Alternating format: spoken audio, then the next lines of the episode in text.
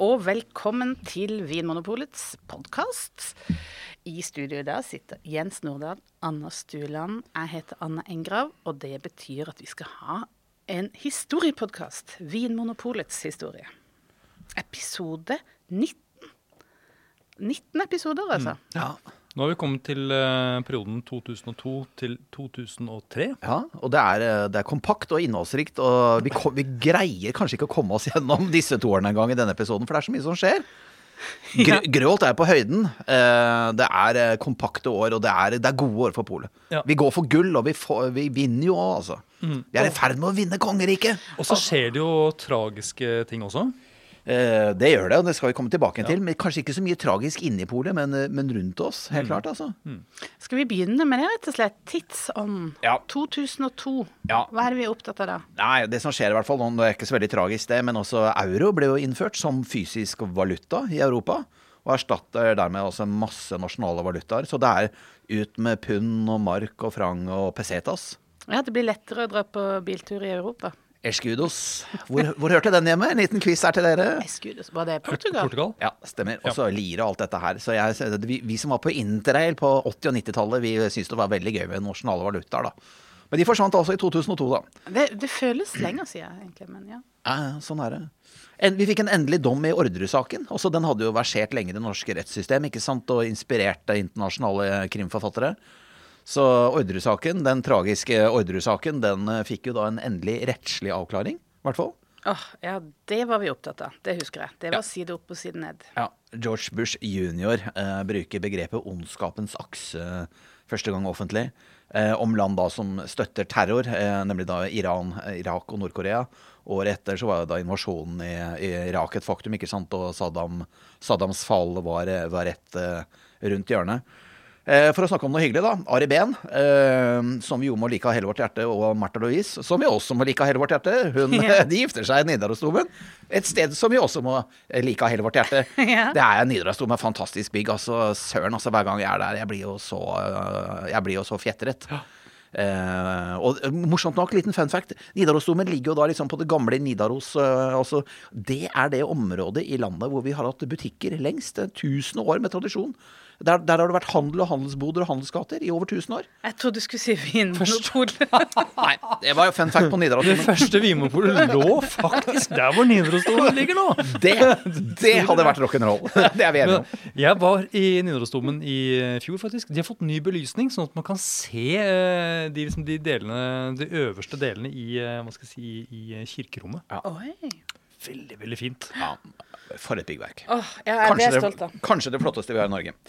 Eh, Åsne Seierstad, eh, bokhandelen, bokhandelen i Kabul, eh, skaper jo mye debatt. da, Vinner jo internasjonale priser og i det hele tatt. Eh, eh, Kyllingmannen. Men Nå skal vi snart gi oss med tidsånd her, men vi må, jeg husker jo Kyllingmannen. altså Bård, Bård Tufte Johansen, da, ikke sant, som griper inn i TV 2s direkte nyhetssending da Torbjørn Jagland ligger på sykehus ikke sant, etter at eh, han har eh, fått et lite illebefinnende. Og det er jo maktkampen med Stoltenberg da, ikke sant, som er i, i Arbeiderpartiet, ikke sant, Jens Stoltenberg, som er bakgrunnen her. Men eh, Så dette er altså 2002. Ja, hva kan man tulle med, liksom? Det ble jo, eh, det, det ble jo debattert. da. Ja, det var jo mediesatir, ikke sant. Men altså, konteksten her var jo dypt eh, alvorlig. Den, altså maktkamp i Arbeiderpartiet, og, og Jagland da som, som, som jo har vel har sagt før, han ble jo eh, i rekordfart grå i håret, så det har jo vært eh, det har jo vært tøffe tak i Arbeiderpartiet. Eh, ja, eh, Kjell Aukrust og Astrid Lindgren dør begge to. da. Og liksom det, både Norge og Sverige mister to av sine fremste kalde barnebokforfattere. Og de har jo skrevet seg rett inn i historien begge to. Eh, og politisk, eh, Bondevik regjerer med sin andre regjering, der Høyre har ti statsråder og KrF har seks. eh, Og Venstre, har tre. Men at, at Kristelig Folkeparti satt med seks ministre så seint som for 20 år siden, de er jo kanskje nå og for KrF-ere har meg unnskyldt, men de er jo kanskje nesten på vei ut av norsk politikk. ikke sant? Ja. Jeg syns det er veldig fascinerende å tenke på at de var en betydelig maktfaktor uh, i norsk politikk så sent som for 20 år siden. Og det hadde jo litt å si for oss i Vinmonopolet, men det kommer vi jo tilbake til, kanskje. Ja da, det gjør vi. Ja, og på en litt overraskende måte, tenker jeg. Ja. Vi lar det henge litt Ja. i lufta. Ja. 2002. Vinmonopolet er jo altså da, det er jo 20 år siden. Det Ja. betyr at da var Vinmonopolet 80 år. Hei! Rask regning. ja. Men vi hadde jo feiret også dette 75-årsjubileet. Så det var liksom ikke så mye feiring av 80 år. Nei, det ble ikke noe feiring. Det var ingen, ingen fester. eh, Ikke noe gøy å skrive hjem om. Ikke noe, ikke noe gebiss i skuffen. Nei, det var vi ferdig med. ingen gebiss i skuffen. Og ingen skjeletter i skapene heller. Så det var, eh, vi hadde begynt å bli pertentlige, kje, kjedelige. Men det kler jo et offentlig monopol av det. jo det. Men vi, vi, eh, vi runder i hvert fall Vi starter jo dette jubileumsåret da med avgiftsnedsettelser både på vin og brennevin, og det er historisk. Ja. Ja. Første gang det er nedsettelse på avgiften. Nei, det er det nok ikke. Eh, Men det det var uvanlig at det skjedde. Det normale var jo en eh, indeksregulering, altså at eh, avgiftene ble justert opp med det man mente da var, skulle være inflasjon eller prisstigning. ikke sant? Eh, Noen ganger så ble det også lagt på mer, rett og slett fordi at man ønsket å få ned konsumet, særlig av brennevin. da. Vi vet jo fra historien at eh, norsk eh, alkoholpolitikk har gjerne vært en eh, politikk for å bremse konsum og skadevirkningen av brennevin, og særlig brennevin har fått kjørt seg avgiftsmessig. Så at brennevin da går ned med, med, med 15% avgifter, mens eh, vin, vin går ned med 5 det er historisk. Eh, Og det hadde vært en runde med avgiftslettelser på sterkvin eh, for ikke så lenge siden, ikke sant? Det, det stemmer. Året før. Ja. Det var Reven Bondevik. Eh, Vi har jo omtalt han som rev. Det er mange rever i vår podkast, og Bondevik er jo en av dem. Eh, og han hadde jo da prøvd seg med, med avgiftsnedsettelser for sterkvin, og, og det skapte jo ikke noe brudulje, ikke Nei. sant? Og så hadde vi i forrige episode, vi sluttet jo da med den, den støvete, byråkratiske, eh, men ganske morsomme byråkratiske kon- konstruksjonen Rusmiddelpolitisk råd, hvor alle aktører i rusbransjen satt og diskuterte ulike politiske virkemidler for å få til en god og effektiv bl.a. blant annet alkoholpolitikk. Og der hadde jo man tatt debatten, ikke sant. Og som vi husker fra forrige episode, eh, Rusmiddelpolitisk råd ved Ingelin Killengren, som var leder for rådet, og Knut Gråth hadde jo da gitt videre til Kleppa, Magnhild Meltveit Kleppa, et råd om å kunne sette ned avgiftene. Og det var, var det altså en, en bred rusbransje. Alt fra bryggeriene til de som behandlet eh, alkoholikere med alkoholskader, ikke sant, stilte seg bak dette. Så debatten var på en måte egentlig tatt, da. Om ikke politisk, så i hvert fall i, i samfunnet. Men tenker du det at å redusere avgiftene på sterkvin var en måte å hva skal jeg si, stikke tåa ned i, i badevannet og sjekke liksom, Ja, det er ingen som har sagt det. Det er ingen som har sagt det til oss, men jeg tror at, at det var litt sånn Han prøvde seg fram. Ja. Hvordan, hvordan gikk det for han og, og KrF, statsminister Bondevik, å sette ned avgiftene? Og det gikk jo helt fint. Han ble jo nærmest rost litt for det, ikke sant? Og hvor mye gikk avgifta ned da i, i 2002? Var det Ja, det, var, det var 55 altså 5 på, på vin. Og i, i utgjort i altså, hva- hadde det å si for prisen da, på en vinflaske? Ble 2-3 kroner billigere. Mens en brennevinsflaske så, så det var en egentlig nesten bare symbolsk, og hadde jo ikke noe effekt. Men eh, på brennevin så ble det jo eh, Fordi at avgiftene der er mye høyere, ikke sant. Eh, så ble jo en vanlig brennevinsflaske sånn 35-40 kroner billigere per flaske, da. Mm, Ja, det Da begynner det å ligne nå. Det begynner å manne. Eh, Og det var jo begrunnet da med eh, at det var et veldig veldig høyt salg av smuglersprit, eller et ø, høyt konsum av smuglersprit og hjemmebrent. Og at kanskje ned så mye, altså at Vimopols andel av det totale brennevinskonsumet var så lavt som 40 og skulle det gått noe særlig lavere ned enn det, ikke sant, så hadde ikke Vinmonopolet noe effekt lenger. Og norsk alkoholpolitikk fungerte da heller ikke etter intensjonen. Så man gjorde og tok jo dette grepet for å styrke alkoholpolitisk relevans og for å bedre Vinmonopolets relevans. Da, fordi at man var livredd for at politikken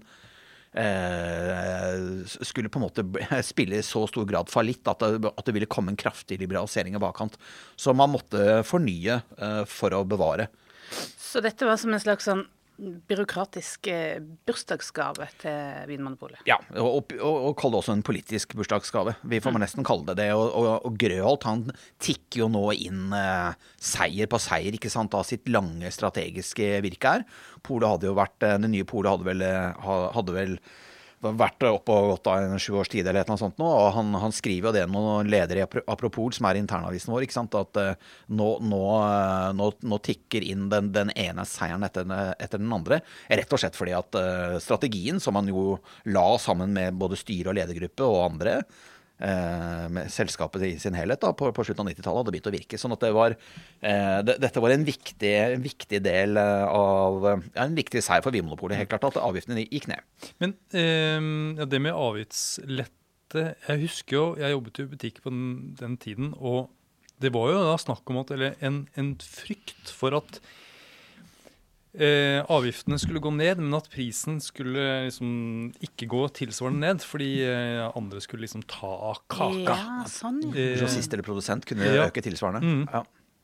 Eh, Men jeg kan ikke huske at det skjedde, og jeg har også gått gjennom faktisk på noen av disse mest kjente brennevinsmerkene i prislistene. Jeg gjorde det i går.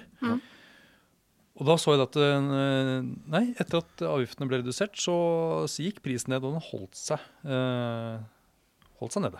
Ja, da, og, det, og det tror jeg nok var også i både produsenten og grossistenes uh, interesse, at det, at det skulle være sånn. ikke sant? Sånn at her, og her, her var Bransjen var vel historisk godt samsnakka også, for å si det sånn. Altså, og, Som jeg sa i sted, da, gjennom Rusmiddelpolitisk råd. Så jeg, det, dette ville man, og det var også en politisk vilje her. Så det var eh, historisk veldig interessant.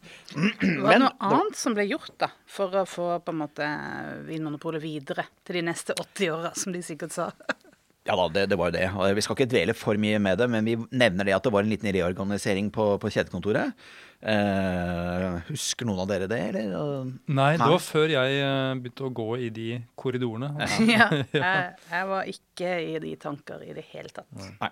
I hvert fall, det, det skjedde da i juni 2002. Eh, logistikk eh, ble opprettet som en egen avdeling, mens personal- og økonomiavdelingen eh, ble fusjonert til noe, til noe man da kalte økonomi og HR.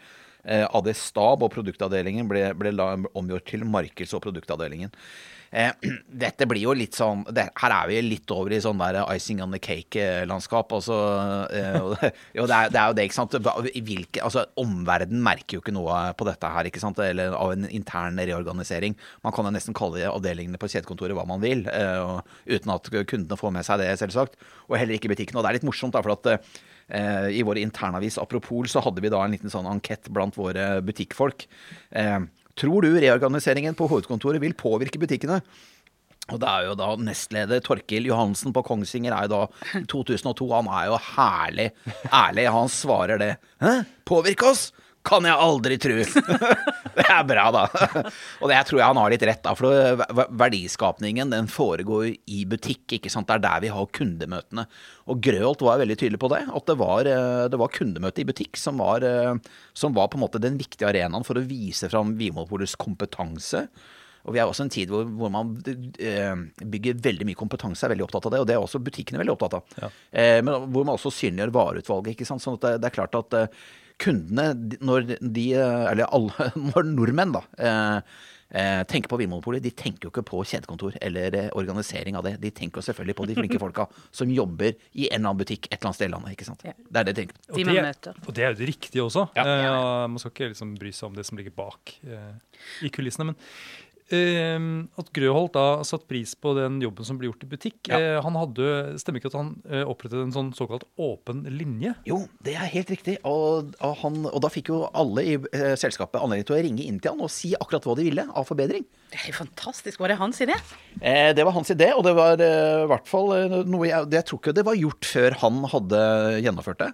Eh, og det, noe av det folk var veldig opptatt av, var jo nettopp dette med kompetanse. ikke sant? At folk skulle, altså at eh, folka våre i butikk skulle da lære mer om vin. Ikke minst mer, lære mer om mat og vin. Eh, Men det var jo også ting man var opptatt av, som f.eks. Eh, selvbetjening. ikke sant? For det, var jo, det var jo ganske av ny dato. Og det var, det var jo ikke slik at det var selvbetjening i alle butikkene, for det hadde blitt vedtatt så sent som høsten 2001. ikke sant? Så vi var jo nå i en fase hvor vi bygde om veldig mange butikker til, eh, til selvbetjening. Men også dette med nettbutikk, som jo kommer litt senere. ikke sant? Det var også ting eh, folk var veldig opptatt av. da. Så, så kompetanse, eh, selvbetjening og, og netthandel, det var ting som var veldig høyt oppe på agendaen i 2002. Og ting vi kan være veldig opptatt av den dag i dag, naturlig nok. Men i forhold til denne reorganiseringen, vi skal ikke bruke for mye tid på det, men det, det, med en reorganisering så kommer det jo også nye personer inn i bedriften. Eh, og vi får jo da faktisk eh, eh, For andre gang i historien så kom, får man jo da kvinnelige direktører. Eh, det, og dette er gravd litt i. Altså, likestilling og kvinnekamp har jo blitt en rød tråd gjennom denne podkasten, eh, av naturlige årsaker. Eh, det skjedde først i 1993 at Vinmonopolet da fikk en, en kvinnelig direktør. Det var en kvinnelig salgsdirektør. Eh, altså eh, Anne Grete Ellingsen. Eh, hun ble ansatt i 1993. Eh, et år senere kom Randi Brita Johansen. Eh, begge disse pionerene satt kort tid fordi eh, de gikk ut av organisasjonen etter delingen i 1995 eh, som da ble ratifisert fra årsskiftet 1996. Så de var bare kort tid innom.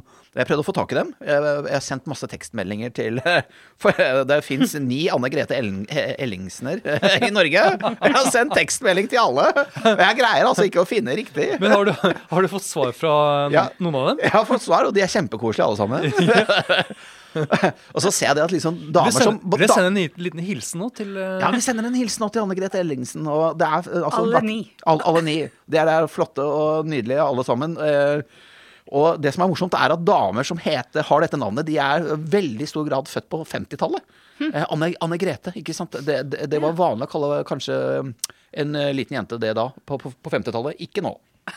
De er, de er, de er, ja, de, er, de, de, de, stammer derfra, da. For en morsom eh, sidetur det, alle disse her eh, historiene gir oss. Altså, alle du får kontakt med, Jens.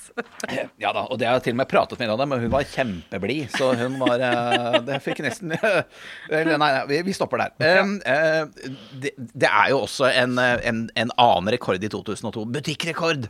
Å ja vel? Ja, ja, ja.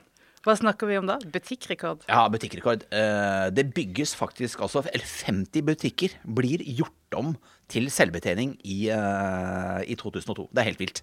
Man bygger om 50 butikker fra disk til selvbetjening.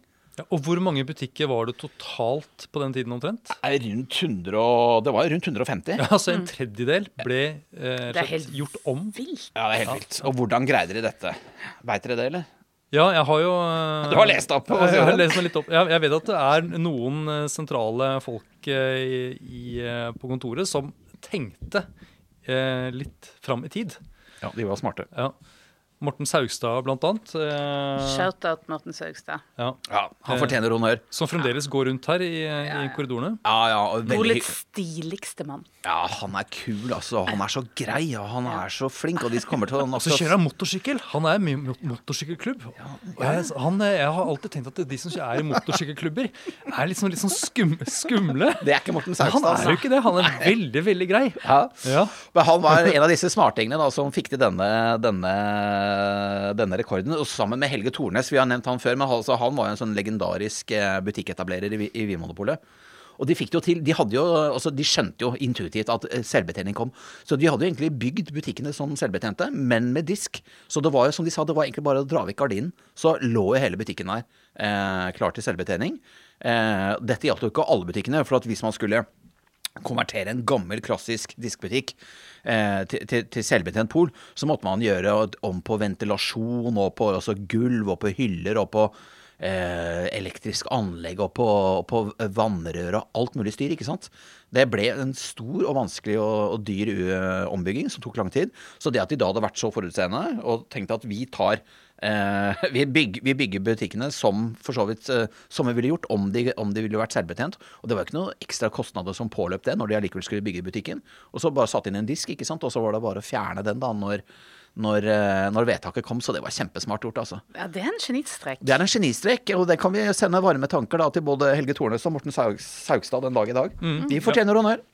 Og for å bruke en liten skal si, en sammenligning med, sånne, med motoriserte kjøretøy, så tenker jeg at det er sånn som en kabriolet. Ja, ja. Ja, Du bare tar av eh, topplokket. Clever boy. ja, veldig bra. Det er jo, og så åpner vi jo 21 butikker. Det er rekord i butikkåpninger. Nye butikker. Den politiske eh, diskusjonen om polet handlet jo veldig mye om fysisk tilgjengelighet i 2001.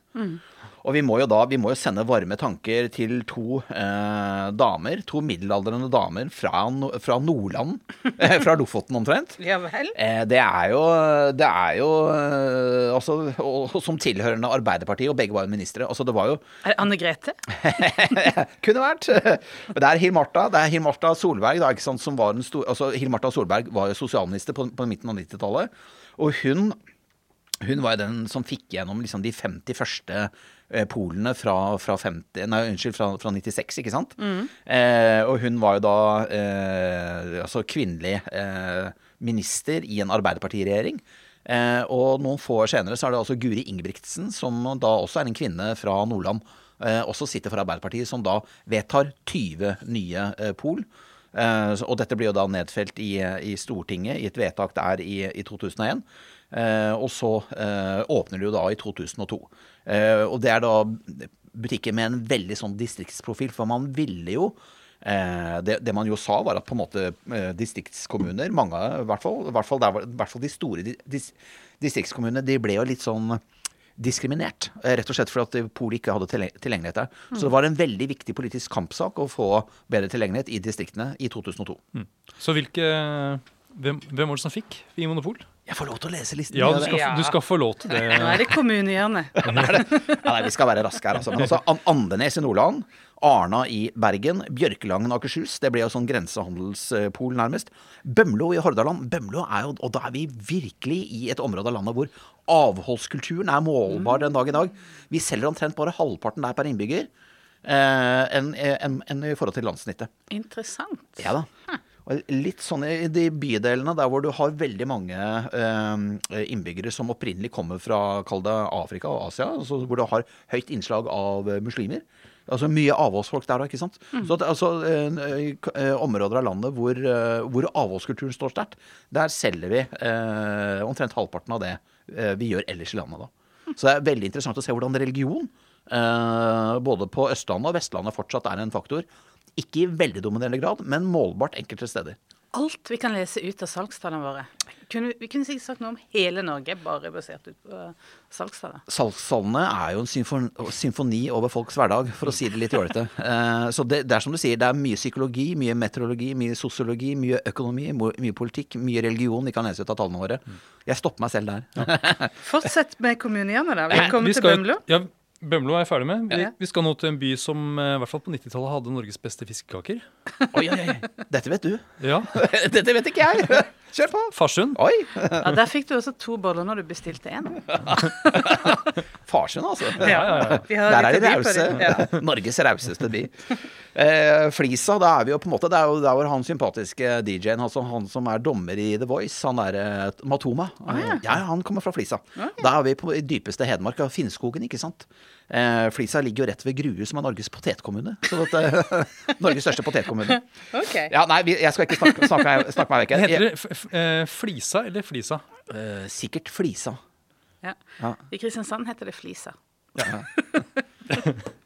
Geilo, eh, turiststedet. Eh, Jørpeland, eh, som vi allerede har snakket om. Og så kommer Kautokeino, da, ikke sant. Eh, det er veldig morsomt, da, for det, det er jo faktisk Norges største kommune ti, nesten 10 000 kvadratkilometer stor. Det er like stort som Kypros. Eh, det er like stort også wow. ja, Det er like stort som eh, Oslo, Akershus og Østfold, altså de gamle fylkene, til sammen. Altså, yes. Kautokeino alene er større enn de tre eh, fylkene. I Kautokeino bor det tre fylker 000 eh, innbyggere. Det er en eh, kommune. Det er en kommune, eh, mm. Mens det da bor drøyt 1,6 millioner mennesker i Oslo, Akershus og Østfold til sammen. Og det morsomme er jo at vi tenkte jo at vi skulle det, det, er, det er Norges største kommune, men det er vår minste pol. Altså det er, det er der vi selger minst.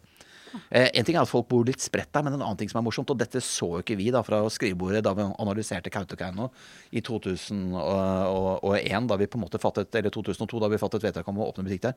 Men det er jo veldig mange samer som bor i kommunen, og de driver jo på med rein. Og de er, jo, de, de er jo da mye rundt omkring på viddene. Så de er jo ikke nødvendigvis eh, i bygda hele året. Nei. Ikke sant? Sånn du, det, er- det, og det var en ting vi da altså, Så det betyr at ja, du har 3000 mennesker i kommunen, men de er jo spredd over store avstander. Naturlig nok. De må jo følge reinen. Kan vi kalle det en slags pendling? Det er, en, eh, det er en veldig, veldig eh, fin form for pendling, tenker jeg. Og, eh, og noe vi ikke hadde fanget opp i analysene våre før vi etablerte butikk der. Men um, Kautokeino, og der må vi ha Pol, selvsagt. Det er Norges største kommune. Men det, men det er også et område hvor det er mye avholdskultur. Ja, det er riktig. Læstedianermenighetene står ofte ganske sterkt i samisk samfunn. Sånn at det, kan være mye avhold eh, bland, blant, i, i, ja, i samiske kommuner. Eh, så sånn er det. Eh, vi leser fort videre her. Kyrk, Kyrksæterøra nå i Heim kommune. Ja, og jeg får lyst til å snakke om mulla Krekar, men jeg, jeg skal ikke gjøre det. Vi går videre. Han er nevnt. Li- Lillesand, det er jo dine trakter, det. Ja. Tett på, Anne. Tenk det, ja. Ja. Nesodden, det er ikke så langt unna her vi sitter nå. Nesodden er rett utenfor Oslo. Ja, eh, Kommunen med størst tetthet av eh, keramikere Oi, i Norge. er det sant? Ja. Hva du vet. Interessant. Eh, T- Tveit er Oslo, på østkanten. Rakkestad, den, eh, den stolte og litt sånn inneklemte gamle landbruks, eh, landbruksbygda Rakkestad, altså i Indre Østfold. Eh, litt utenfor allfarvei, helt klart, eh, ligger den, men den er sjarmerende, altså. Eh, Statelle i Telemark, eh, rett ved, ved Grendeland. Storsteinnes i Troms. Stryn, alpinstedet Stryn i Sogn og Fjordane. Surnadal, Vinje, turistkommunen Vinje da, i Telemark. Ørnes i Nordland og Årdal. Det gamle, stolte industritettstedet Årdal Ja. i Sogn og Fjordane. Det var rekordlisten fra 1990 For- Unnskyld, 2002. For noen eh, tilskudd, tenker jeg. Og det jeg lurer på da er eh, Når det er åpning av et nytt vinmonopol på et sånt lite sted, Ja. hva skjer da? Har du vært til stede under sånne åpninger? Ja, og det er jo gjerne ordfører da, med kjede rundt halsen som, eh, som klipper snoren, og så er det kake. Til de første, og så er det blomst til de første kundene. Og så er det alkoholfrie museene, da gjerne i et sånt plastglass med stett. Jeg har sett bildene. Og så er det blide mennesker, og så er det en liten tale fra ordføreren som sier at dette er et uh, trivelig og hyggelig uh, tilskudd til uh, lokalt næringsliv. Og så er det masse glade mennesker. Og så er det mm, eh, Nei, det er, det er, det er hyggelig. Det er, eh, det er gode, gode møter med, med hyggelige nordmenn og hyggelige mennesker landet rundt, da. Ja. Det må Men jeg si. så borte er den skammen over å komme med pose fra polet. Kan man stille opp i lokalavisa 'jeg var først' og sånn? Det er greit nå, liksom. Det, det vil nok være. Samtidig, de som er skamme, de som har mye skam til det, de drar ikke på polet, for å si det sånn, selvfølgelig. Sånn at de holder, de holder seg vekke. Men du har helt rett, eh, Anne. I, Rogaland, det er ikke veldig mange år siden jeg fikk en henvendelse fra en journalist i Stavanger Aftenblad hvor han nettopp ville lage en reportasje knyttet til polposen, for han mente at det var veldig skambelagt å gå rundt med den i det offentlige rom, og det er ikke mange år siden den henvendelsen kom. Så, så at dette fortsatt er gjeldende i deler av landet, kan, kanskje fullt forståelig med tanke på de problemene alkohol har skaffet oss gjennom århundrene. Eh, I aller høyeste grad så lever jo dette, denne skammen videre i enkelte miljøer. Fullt forståelig. Har du opplevd at det har vært noen protester? Altså folk som har lenket seg fast, eller noen plakater, eh, ro, roping? Ja, nei, jeg vet ikke hvis det har vært noe motstand? eh, Nei. Nei? Jeg har aldri opplevd noe protest. Nei. Det er uh, folk, Yes. folk vil ha polet. Ja. Ja, ja. OK. Så det skjer. Eh, vi får også det vi kaller Vimonopolet direkte, og det er jo, altså, det er jo da Vimopols eh, nettbutikk. Vi er egentlig ganske tidlig ute. Eh, mye tidligere ute enn Systembolaget, i hvert fall. De tror jeg først fikk nettbutikk mye seinere. Så vi hadde jo fått lov til å ha dette nettstedet vårt da, med informasjon uh, tilgjengelig eh, også, eh, siden 2001, var det vel. noe sånt nå. Og så får vi da muligheten til å åpne nettbutikk i 2002. Så dette her Vinmonopolet direkte, Ja. det handla om altså uh, de som ikke fikk pol, uh, som ønska det, Ja. men som ville ha nærm, være nærmere polet. Da var det en slags sånn digital løsning, da. Med nettbutikk Ja. Og kundesenter, var det det òg? Ja, det er helt riktig. Og det er som du sier, Anne, det er jo i kjølvannet av dette politiske ønsket om at vi skal godt, uh, ha god tilgjengelighet i store deler av landet. sånn det er, det er da på en måte et, eh, digitalt alternativ for de som ikke har fysisk butikk å gå i. Og det var som du sier, Anne, det var jo eh, det var et samarbeid her mellom kundesenter, og det ble også etablert et nytt lager og et nytt logistikksystem. Og da denne nye nettbutikken, altså kall det digitalt på, på nettsida vår. da. Så det var, eh, det var Vinmonopolet direkte. Det ble ikke veldig store volumer, men den har tikket og gått jevnt og trutt eh, i 20 år, da, nettbutikken vår. Ja. Ja, men da, da har vi jo egentlig eh, Eller vi, sier jeg. Det, det var jo da Ja. med, med Grøholt i spissen gjort en del eh, oppstramminger. Ja tighta det til. Fikk det noen Ja resultater? Ga det noe La folk merke til det? Ja da, de gjorde det. Uh, Grøat hadde jo fått ferten av gull, han altså. Det var ikke så rart, for at uh, Vinmonopolet var jo plutselig på tiendeplass i det som heter Store norske bedrifter. Uh, dette barometeret som måler, uh, eller da i 2002 målte de 115 største bedriftene i landet. Og Vinmonopolet var da i Eliteserien. Ikke helt i tetsjiktet, men man hadde jo krøpet opp fra en plass eh, rundt eh, 35.-plass, 40.-plass. ikke sant? Man hadde jo ligget der lenge. ikke sant? Plutselig så var vi nå godt opp i tippeligaen, ikke sant? Eller, eh, eller eh, altså Premier League, da. ikke sant? Jo, jo, vi begynte å bli en medaljekandidat, da. Eh, og jeg, jeg husker Grøt var utrolig flink til å eh, mane fram eh, eh, bedriften til videre kamp. ikke sant? For at det, det, det, innsatsen ga resultater. Og det tror jeg motiverte mange. Både ledelse og folk eh, på hovedkontoret, og folk selvfølgelig i butikkene våre. Det, eh, det, var- det var ikke bortkasta. Innsatsen var ikke bortkasta. Man så effekten av, det man eh, bestemte seg for. Ja, ja, i aller høyeste grad. I aller høyeste grad. Eh, så dette er 2002. Eh, det er eh, suksessrike år for polet. Men man, man kunne ikke vite det når man sto i det, men man, det var jo det man jobbet for å få til, da. Helt klart.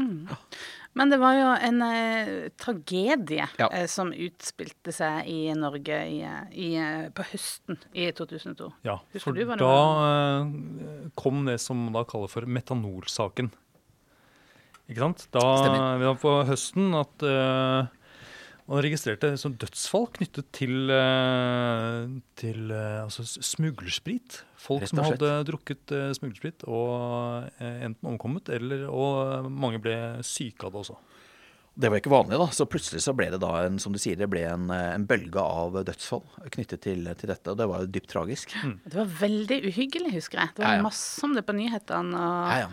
Og det, det føltes som om det var en sånn Litt sånn som vi seinere i pandemien, at det var en sånn skjult fiende som, var, Ja. som drepte. For man, vi visste jo ikke hvor eh, nettverket til altså, også, hvor, Hva var kilden på, ja, og sånt noe? Nei, og vi, man, altså, man skjønte jo at det var et smuglerspritnettverk som hadde distribuert dette, men man ante jo ikke hvor fibrene var. Man ante jo ikke hvor dette nettverket opererte, ikke sant. Eh, og det, man fant jo Mattilsynet, eller det som da het eh, Næringsmiddeltilsynet, men som senere da ble Mattilsynet, de undersøkte jo bare kafeer eh, osv. Og, så videre, og fant jo at det var metanolholdig sprit også i utelivet, ikke sant. Oh, gjør de det? Ja, ja. Så det var jo ordentlig guffent. Ja, for det Eh, ble solgt på originalflasker. Eh, Det også. Mye av dette her. Ja. Sånn at eh, man kunne kjøpe eh, altså flasker som så ut som eh, polvarer, men som da inneholdt eh, noe annet. Og jeg husker også eh, når denne metanolsaken var, eh, så jobbet jeg i butikk. Ja. Og da måtte vi av og til sjekke eh, i hyllene Ja. at korkene var at det ikke forseglingen var brutt. Ja. Og det er, denne saken her sånn var foranledningen til at Vinmonopolet den dag i dag ikke tar retur på brennevin. Ja. Akkurat sånn som du sier, fordi at uh, det var jo fylt på originalflasker. ikke sant? Sånn at, at vi skal være sikre på at det ikke er metanolholdig øh, smuglersprit på en vare, er at vi, nei, på en flaske, er at vi da vi må ha full kontroll på logistikken og kan da ikke ta imot retur den, den dag i dag. Ja, på, det- på, på brenner. Ja, og den regelen ble endret eh, i sammenheng med metanolsaken. Stemmer. husker jeg. Fordi Ja. før det så kunne man da jeg husker at det var en del bedrifter som uh, kjøpte inn uh, f.eks. Uh, konjakk eller akevitt ja. til sine ansatte som julegave. Og så var det en del som da kom og uh, Bytta det. bytta det. ikke sant? Ville heller ha vin, kanskje. Ja. Eh, men det gikk jo ikke lenger da, etter eh, metanolsaken. Så det, jeg husker at du måtte ofte si ifra om det Ja. til eh, folk som skulle kjøpe på vegne av bedrifter og sånt nå, eh, gaver, at brennevin var da ikke mulig å bytte. It's better, to, uh, it's better to be safe than sorry, som en Mm. engelske nabo Ja. sier. Det er noe med det, altså. Ja. Ja. Og det var jo altså Var det ikke 13 stykker som døde bare på en måned? Det var jo Bare den høsten, ja. Ja. Og så var det flere utover våren 2003 også. Så dette spredte jo uhygge rundt omkring i det ganske land. Vi så jo det at over natten så eh, gikk jo salget vårt av eh, særlig vodka, da, og annet blankt brennevin, eh, gikk jo veldig eh, mye opp øst for hva vi kan kalle Langfjella. Det blir jo sånt begrep som meteorologene bruker, ikke sant? men det blir jo da på en måte Jo, men det blir jo Oppland, Hedmark, ikke sant? Buskerud, og Oslo, Akershus, eh, Østfold, Vestfold, Telemark, ikke sant? Basically der. Eh, og Trøndelag, da. Men i- Nord-Norge og på Vestlandet var det ingen lignende økning i brennevinssalget. Så det var helt opplagt at dette nettverket hadde jo operert i østlige, eh, østlige områder av landet. På det, fra Trøndelag og, og Østlandet, altså på Østlandet, da. Igjen så kan vi bruke salgstallene våre til å se hvor dette smuglernettverket hadde hatt sitt nedslagsfelt. Jepp, det kan vi.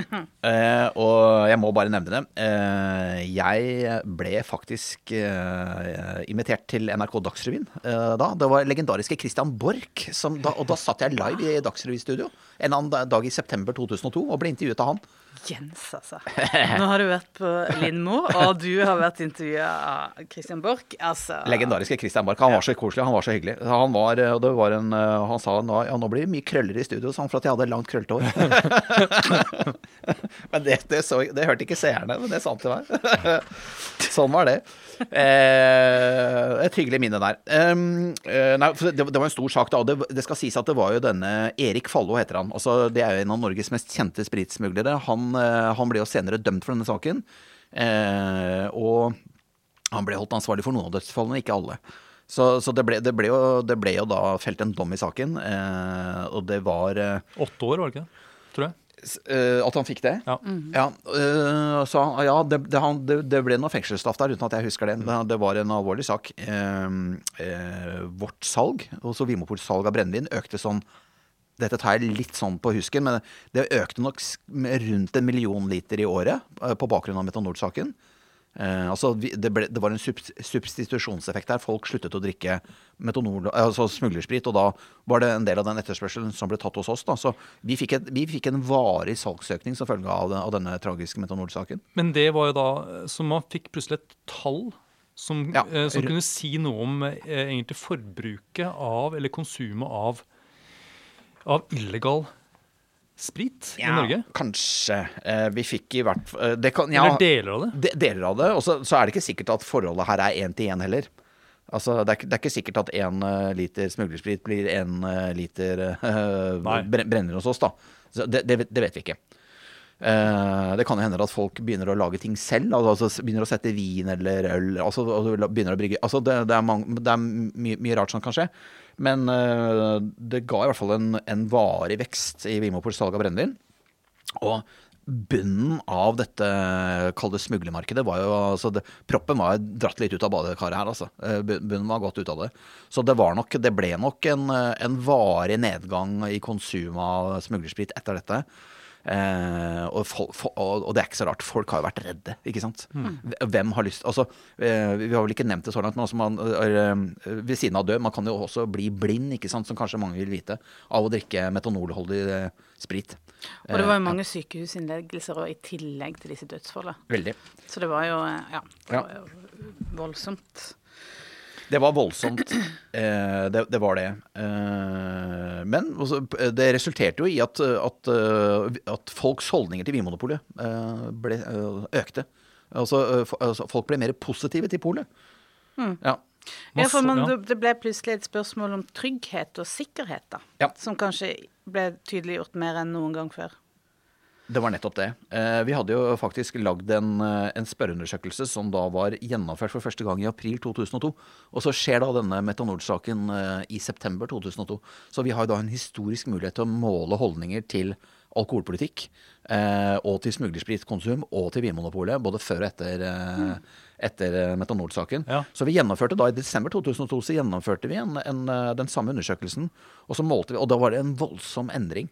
Eh, eller altså i, i hvert fall i meningsmålingssammenheng så var det en veldig stor endring her over, over natten, for å bruke det begrepet. da. Jeg har du eksempler på noen sånne spørsmål som ble stilt på Ja, Vi hadde en påstand her. Vinmonopolet sikrer kvalitet på varene for forbrukerne. 77% sa seg enig i dette i april 2002, før metanolsaken. 84 eh, etter. Eh, så det er høye tall begge gangene, men at, at, at opinionen da på en måte endrer altså Det er en signifikant endring. Det er 1000 respondenter som har fått dette spørsmålet. og Man vet at eh, variasjoner som går mer på tilfeldigheter, vil ligge på sånn 2-2,5 maks prosent endring. sånn at her er det jo en signifikant holdningsendring. altså Folk har jo endra holdninger eh, målbart eh, til dette spørsmålet. Eh, Vinmonopolet har god varekvalitet. Øker fra 76 eh, som sier seg enig i det i april, til 81 i, i desember. Eh, også holdninger til Vinmonopolet som, eh, som, altså, som salgskanal. Altså alt salg av vin og brennevin og sterkøl bør skje gjennom Vinmonopolet. 44% sa seg enig i april 2002, 48 i, i desember. Eh, kjøp av smuglersprit er en alvorlig lovovertredelse. 73 eh, sa seg enig i det i april, 79 i, i desember.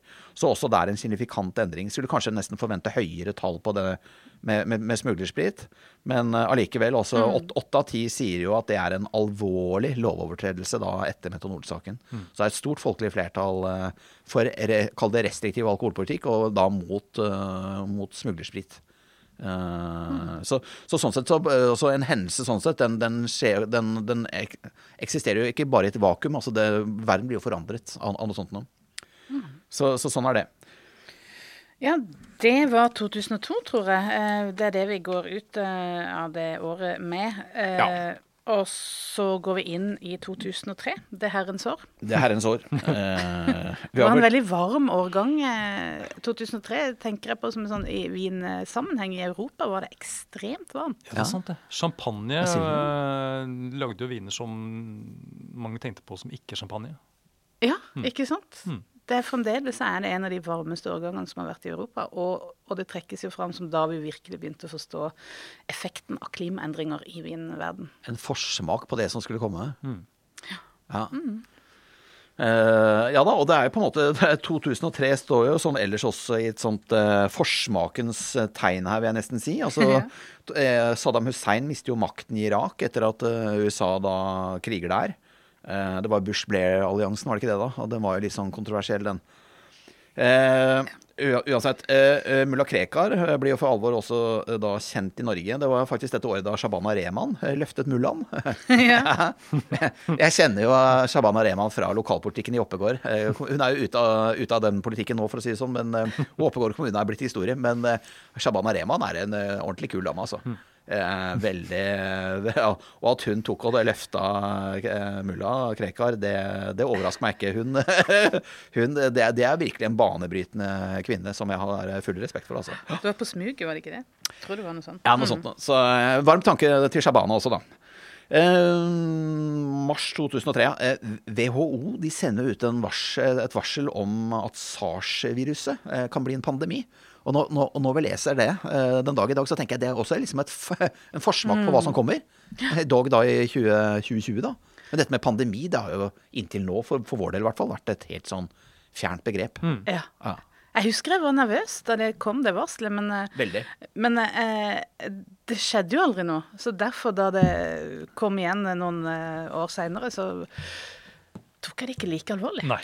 Nei. Det var litt ulv-ulv. Eller det var jo ikke det. Det var ikke det. Men det var ikke det, men Og det da var- føltes Det hadde litt den effekten. Og da var vel eh, Jonas Gahr Støre, var ikke han sånn der eh, rådgiver i WHO eller et eller annet sånt? Jeg husker, i hvert fall- jeg mener at jeg har sett eh, Jonas Gahr Støre på Skavlan eller et eller annet sånt nå, snakke om dette. Ja. Nettopp.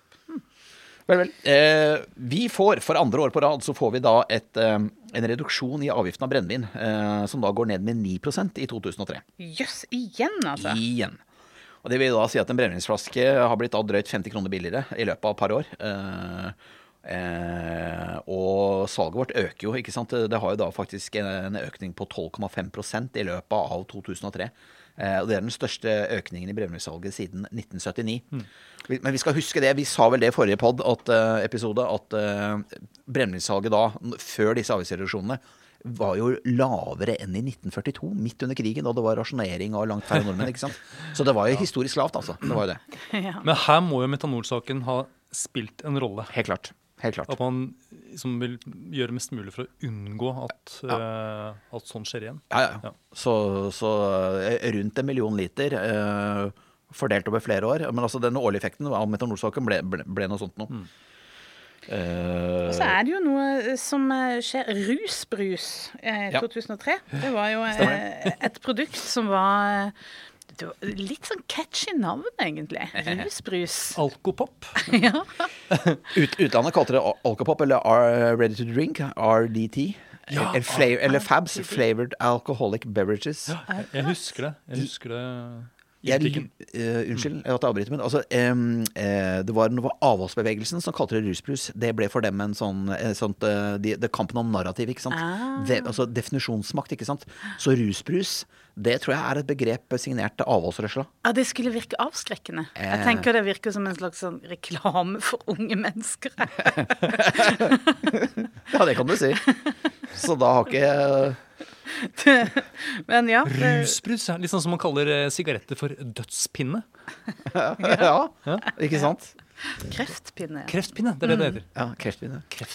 Ja, nei, det var jo et spesielt produkt på den måten at Ja. det var ganske ny oppfinnelse. Og det var jo Ja. egentlig bare snakk om brennevin som er blanda ut i uh, søt uh, væske. Det er jo egentlig en, en, en drink på flaske.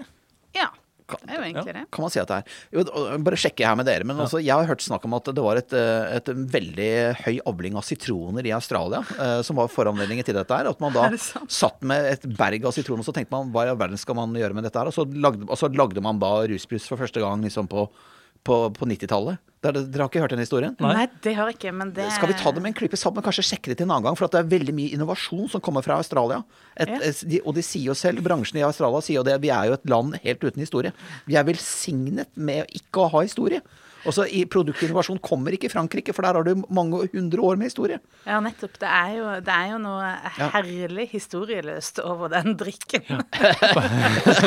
På godt og vondt. I hvert fall, Det var jo Polet da som hadde solgt det eh, fram til, 19, unnskyld, til 2003. fordi at eh, Vinmonopolet solgte jo vin og brennevin. Øl var jo per definisjon i dagligvarebutikken. ikke sant? Ja, så selv om rusbrusen hadde ganske lite alkohol Ja. Lå jo på sånn Med eh, 4,7 som er grensen, ikke sant? Ja, det var vel noen som lå på fem, fem og et halvt. Ja, ja. Absolutt. Men, eh, ja, men, men likevel så ble det solgt til Vinpolet. Og det var fordi at det var et brennevin som var blandet inn. Ja. Ja. Det var vinbasert, eller da, eh, eller da brennevinsbasert, ikke sant? stemmer det. Det var noe som heter ja, sånn det man kalte for wine coolers også. Ja. Her er det jo da, her er det da EØS-avtalen, sant. Eh, EU-systemet som slår inn, ikke sant. For de vil jo ikke at man skal diskriminere produkter som har likt alkoholinnhold. Så det de sa var at kjære vene Norge, ikke sant. Her driver dere og selger vin med eh, innhold 3,5 eller 4,5, ikke sant. Og så har dere øl med akkurat samme type alkoholstyrke. Og så er altså rusbrusen, eller den brennevinsbaserte rusbrusen, eh, altså, eller, eller vinbaserte, er jo, selges jo da på 150, 160, 170 vinmonopol. Mens, mens øl med samme alkoholstyrke, som er nasjonal eh, Disse rusbrusene er ofte internasjonale produkter, ikke sant.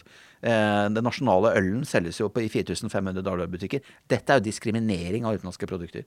Ikke sant? Så her fikk vi jo Her driver jo E- EØS-avtalen da, eh, og, og virker, og dette ble jo en, en rettssak. Eh, hvor Norge da på en måte var i rettssak mot kall det EU-systemet, da, og hvor Norge da tapte. For at det var jo det, var, jo- det, det, måtte, det måtte være likebehandling mellom produkter som hadde samme alkoholinnhold. Mm. Så, så dette, ja. dette skjer i 2003. Og det var en alkohol... Nei, det var en politisk varm potet, eller det var i hvert fall noen som brukte det aktivt i valgkampen. Var det ikke, altså KrF eh, var eh, Jo, de hadde det som en sånn valg, valgkampsak nummer én. Få rusbrusen ut av, av dagligvare. av dagligvare. Ja. Jeg, liker den der koblinga mellom juss og politikk. altså. Den syns jeg vi ser dukker opp stadig vekk. eh, Hvordan ja. mye er drevet fram politisk, og så får man den endelige liksom, eh, avgjørelsen i, i Ja. det juridiske. Det er fristende å kalle det for rusjus. Juss, juss, juss, juss. Juss, ja. Ja, men det er interessant. Her, Du smir gode nye begreper. Kanskje du nå på en måte Du viser deg som en spennende innovatør her nå, Anders. Det liker jeg. Men vi må, jo, vi må jo snakke litt om de markedsendringene dette ga. For at Ja. det, dette gir oss en, en, en gullkantet, en historisk gullkantet mulighet til å, til å studere effektene av at dette skjer. ja. Eh, fordi at Polet vi, altså, Da, da Polet solgte rusbrus, der var det vel eh, Vi solgte vel tre til fire millioner liter i året. No, noe sånt. Eh, når det, og vi hadde da 150-ish butikker, pluss minus, ikke sant, eh, på, på den tiden.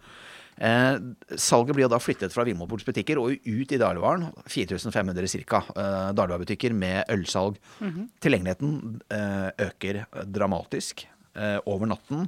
Og, og salget, eh, og da, derigjennom da konsumet, firedobles omtrent. Så det ble vel da solgt 15-16 millioner liter rusbrus, hvis ikke jeg husker helt feil, i, eh, i de påfølgende årene, da 2003 og 2004. Eh, det, og, så konsumet, altså ved en, den type liberalisering, konsumet øker voldsomt. Eh, og vi har få historiske case som dokumenterer hva skjer når salget går fra en, en, en, begrensende institusjon som Vinmonopolet, som jo er der for å eh, til folkehelsens gunst, ikke sant? Eh, begrense skadevirkninger av, av alkoholkonsumet, når det da får en friere distribusjon. Eh, det som også er interessant, er på en måte hva skjer med varebredden. For polet, vi hadde jo rundt 100 rusbrus i våre systemer. Dagligvarebransjen hadde ikke det. Eh, De hadde rundt 40 produkter til, sammen. Eh, Men sjelden mer enn 25 ulike produkter per butikk. Og jeg travet jo rundt i Oslos gater som den reneste Hamsun-figur. og gikk jo inn i butikkene med sånn derre eh, skjema som jeg, hadde, som jeg noterte i. Og jeg tok bilder. Eh, for jeg hadde fått i oppdrag av ledergruppen, eh, som da het direksjonen, å gå rundt og monitorere hva, hva skjedde med markedet. Så jeg gikk jo rundt da, i Oslos butikker og, og skrev sirlig ned. Det var kanskje en tur i uken, eller i hvert fall i måneden. da, eh, Og observerte hva, også, hva skjer med prisnivået, hva skjer med hvor mange varer er å få tak i. Og jeg husker det at eh, det tok, jammen, det, tok ikke mange sekundene før jeg hadde tatt frem den permen som jeg begynte å notere i, altså før butikksjefene kom stormende til. og Noen ville til og med kaste meg ut av butikken. Jeg fikk ikke lov til å De trodde det var sånne konkurrenter som drev og prissjekka, vet du. De, trodde, de skjønte ikke at jeg var fra polet. Men eh, de, de, de trodde jeg var en de, altså, Var jeg en Kiwi-butikk, så trodde jeg at jeg kom fra Norgesgruppen eh, fra, fra Rema, da, ikke sant. og, og, så det var De var veldig på tå hev, altså. Men i hvert fall, jeg var trålet uh, Oslos butikker, og, og det vi da eh, Og da fikk vi jo ja, Dere ler, dere, men det var sånn vi måtte gjøre det. Det fant, fantes ikke noe offentlig register. Men da kunne vi jo studere prisnivået, og vi kunne studere produktmengden. Og det vi så, var jo at prisnivået gikk jo opp. Selv om alkoholmengden på produktene gikk ned, eh, så gikk jo prisen eh, opp. Eh, og det er litt rart, fordi at eh, prisen på et produkt er veldig, altså veldig relatert til alkoholinnholdet. Eh, og, når, også når, og all mulig økonomisk teori skulle tilsi at når etterspørselen øker dramatisk, firedobles over natten, Ja. så skal da prisen gå ned. Det gjorde den ikke. Og færre produkter også. Færre produkter. Så du kan si at uh, dette nå- Vi får bare innrømme Det sitter sikkert noen, eh, noen, noen lyttere nå på en måte lar seg hisse litt opp. i Det, for dette er jo det reneste polpropaganda. Men altså, kjære venner, det var dette som skjedde, altså. Ja. Det var dette som skjedde. Så, så, så vi, og, og det er lite empiri fra Norge og fra andre land som på en måte monitorerer det samme. Altså, hva skjer om polet skulle ryke? Men det er jo, vi, har, vi har sagt det lenge at eh, det er altså varebredden eh, skrumper, prisnivået kan gå opp. Eh, og, og konsumet vil jo potensielt sett da øke dramatisk over natten. Og det viser i hvert fall ruspriscaset da. Fra Akkurat det med konsumet, det kan jo også hende at det tok eh, At det tok mm, på en måte Ja, markedsandeler fra andre Fra øl og, ja, og øl og vin og alt det andre. Det har du garantert helt rett i, Anne. Det er, vi, vi får, ja, det er bra du modererer meg litt her. Men, men pris og Men etter, ja. ja. Var det noe var det den samme perioden her hvor noe som dagligvare tok over rusbrus, at det ble vanligere med eh, sånn alderskontroll? At man undersøkte om eh, de som solgte alkohol, eh, overholdt disse reglene med alderskontroll? Ja, det tror du Juven, har rett i. Juvente, eh, sånn som jeg husker det, var jo en veldig aktive periode. At det var, Og også i Vinmonopolet husker jeg at det var mye snakk om at man det var viktig at vi skulle prestere, eh, aller helst bedre da, enn en dagligvarebransjen. For å liksom, legitimisere at vi faktisk hadde en, en funksjon. Ja. Ja. Du, det har du helt rett i, Anders. Eh, Så sånn sett kom det også noe godt ut av det. Det ble økt fokus på, eh, på eh, ansvarlig salg, da. Eh, bra. Eh, så er det noe som skjer her som får meg til å heve øyebrynene litt. Og da tenker jeg at da, vi plutselig, da høres eh, 2002 ut som, eller 2003 ut som gamle dager. Ja. Ja, Det, det veksler veldig med å være veldig nært og veldig fjernt. Eh, Det er det det gjør, på pussig vis. Det er dette med nyheter i landets butikker. Ja. Eh, og, da- nå er vi over i, i produktenes verden, og da, da tenker jeg da skyver jeg ballen over til dere.